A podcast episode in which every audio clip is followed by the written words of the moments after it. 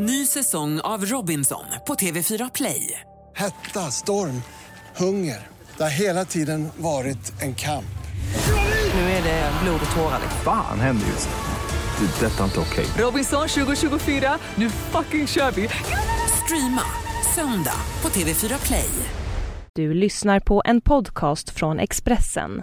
Fler poddar hittar du på expressen.se podcast och på iTunes. Det här är Expressen Dokument om kontroversiella utslag i sexrelaterade mål av Arne Lapidus som jag, Johan Bengtsson, läser upp. Ut med domaren! Ett stridsrop som hörs allt oftare efter domstolars kontroversiella utslag i sexrelaterade mål. Senast när Göta hovrätt drastiskt sänkte skadeståndet för en flicka som smygfilmats och hängts ut på nätet. Välvilliga bedömare ser domen som ett missriktat försök av rätten att hänga med i tiden, medan andra kritiker anser att det är ett uttryck för fördomar och okunskap. Det är samma unkna kvinnosyn som i Svea hovrätt nyligen, säger Olga Persson på Kvinno och Tjejjourernas förbund.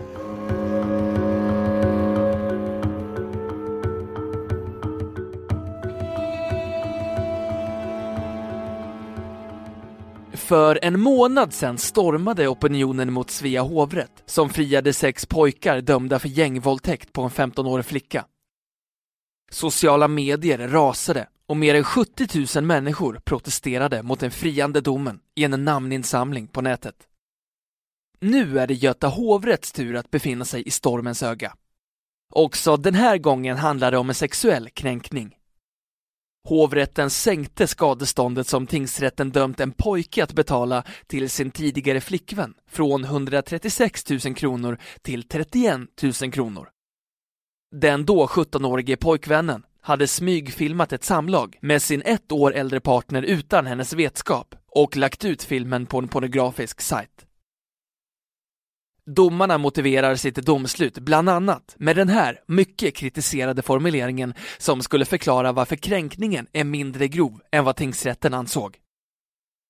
Det går dock inte bortse från det förhållandet att det inom inte alltför snäva kretsar av befolkningen med tiden har blivit allt mer socialt accepterat att vara mycket öppen och utåtriktad med sina sexuella vanor. En nästintill enhällig kör av opinionsbildare, nätexperter, jurister och personer som sysslar med barn och ungdomsfrågor skäller ut domarna. Också i sociala medier råkar de illa ut. Klavertramp och grovt misstag är några av de mildare omdömena. Mårten Schultz, juridikprofessor i Stockholm, är starkt kritisk till domen men ser ändå vissa försonande drag. Min gissning är att den konstiga formuleringen beror på att domarna ansträngde sig lite för mycket att vara i fas med samhälleliga värderingar. De ville vara lyhörda, men det blev tokigt och taffligt, säger Mårten Schultz. Lagstiftaren säger väldigt tydligt att domstolen i skadeståndsmål ska försöka ta temperaturen på sociala värderingar och samhällsmoral. Och det stämmer ju att synen på integritet är annorlunda hos de som är födda in i interneteran än hos äldre personer.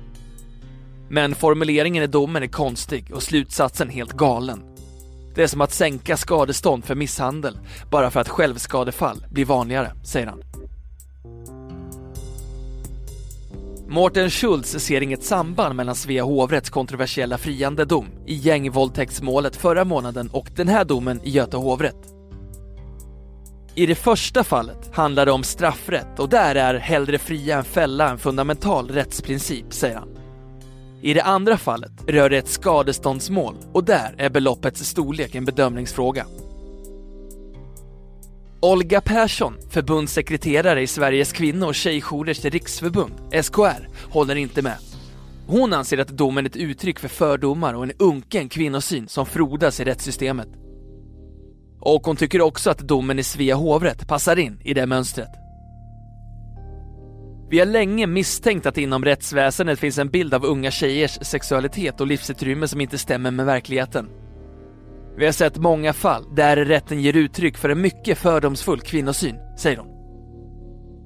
Olga Persson berättar att många av de flickor och kvinnor som hör av sig till SKRs jourer tar upp just frågor om kränkningar på nätet. Det handlar om att nakenbilder lagts ut mot deras vilja, om osäkerhet och ryktesspridning. Det blir allt vanligare med hämndporr. Alltså att en partner lägger ut nakenbilder efter det att relationen upphört. De här kränkningarna har alltid funnits. De har inte uppstått i sociala medier. Men idag är det mera lättillgängligt att kränka människor. Det får större spridning och det går aldrig att ta bort från nätet. Därför måste vuxna, inklusive rättsväsendet, agera kraftfullt och visa att det här beteendet varken är lagligt eller moraliskt försvarbart, säger Olga Persson. Expressen har utan framgång sökt domarna i hovrätten för en kommentar. Men hovrättspresident Sten Andersson har uttalat sig i P1 Morgon i Sveriges Radio om den kontroversiella formuleringen i domen. Det är ett omfattande resonemang som förs i domen. Det här är bara sex rader som det här uttalandet rymmer. I sitt sammanhang så kunde man möjligen förstå att domstolen tyckte att det numera finns en helt annan acceptans för att lägga ut den här typen av material på nätet. Men så är det inte förstås, säger Sten Andersson till P1 Morgon. Domstolen vill åstadkomma en nyanserad bedömning av hur allvarlig den kränkningen var. Då ville man ta hänsyn till hur värderingarna ser ut i samhället när det gäller att tala om sexualvanor. Det är mer ett allmängiltigt uttalande om att många människor idag har en högre grad av öppenhet kring sexualvanor än man tidigare hade. Men jag medger att hovrätten inte anger någon källa i sin dom och att uttalandet inte bygger på några forskningsresultat, säger han. Den uthängda unga kvinnan ser hovrättens dom som ytterligare en kränkning. Redan när hon polisanmälde ex-pojkvännen hade filmklippet setts av mer än 2000 personer på en av porrsajterna och hade spritts till flera andra sajter. Det blev en katastrof för henne. Hon hånades och kallades porrstjärna. Hon låg sömnlös på nätterna och vägrade att gå till skolan. Nu kommer hovrättens dom som ett nytt slag. Domen är som en käftsmäll, ett hån Hovrättens motivering är ytterligare en kränkning, säger den nu 19-åriga kvinnan via sin mamma till Expressens Diamant Salihu. Jag mår dåligt, det känns tungt, säger hon. Tingsrätten dömde den tidigare pojkvännen till 45 timmars ungdomstjänst och att betala 136 kronor i skadestånd för grovt förtal, varav 130 000 kronor avser kränkning och 6 000 kronor sveda och värk. Han överklagade till hovrätten som sänkte skadeståndet till 25 000 kronor för kränkning och 6 000 kronor för sveda och värk.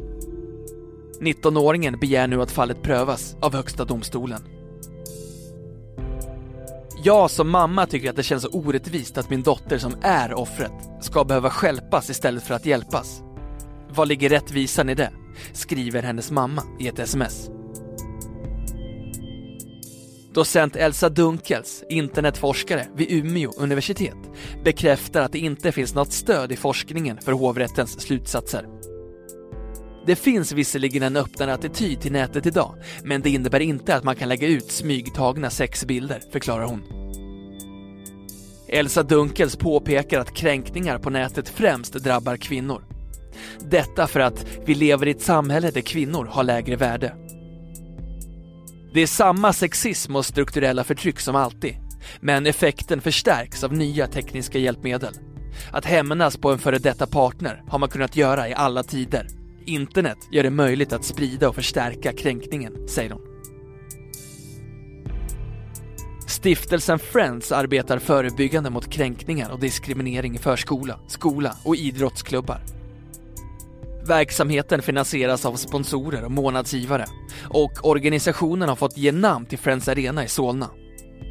Friends publicerade tidigare i år en rapport som visar att 45% av ungdomarna har kränkts på nätet. Jag reagerar starkt på domen i Göta hovrätt. Det är en signal som förstärker uppfattningen att det man lägger ut på nätet inte är lika allvarligt som andra kränkningar. Samhället har blundat alldeles för länge för det som sker på nätet, säger Lars Arrhenius, generalsekreterare i Friends. Samhället anser inte att nätet är det verkliga livet och att man därför ska tåla mer där. Att det råder andra normer där. Men för ungdomar är nätet i högsta grad verklighet. Vuxna är inte medvetna om hur vanligt det är med kränkningar på nätet. Det krävs kompetens och resurser hos polis och myndigheter det måste finnas förebyggande arbete i skolan.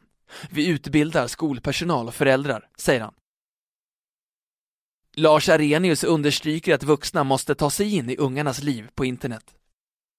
Livet på nätet är en verklighet där man umgås och har sina sociala relationer. Det är inget laglöst land. Där finns lagar och måste finnas medvetenhet, säger han.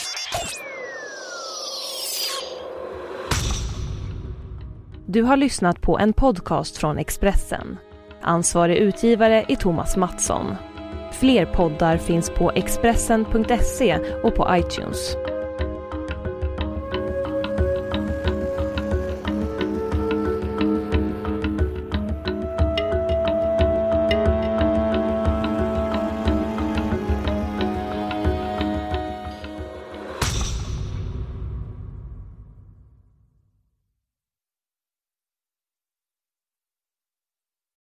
Ny säsong av Robinson på TV4 Play. Hetta, storm, hunger. Det har hela tiden varit en kamp.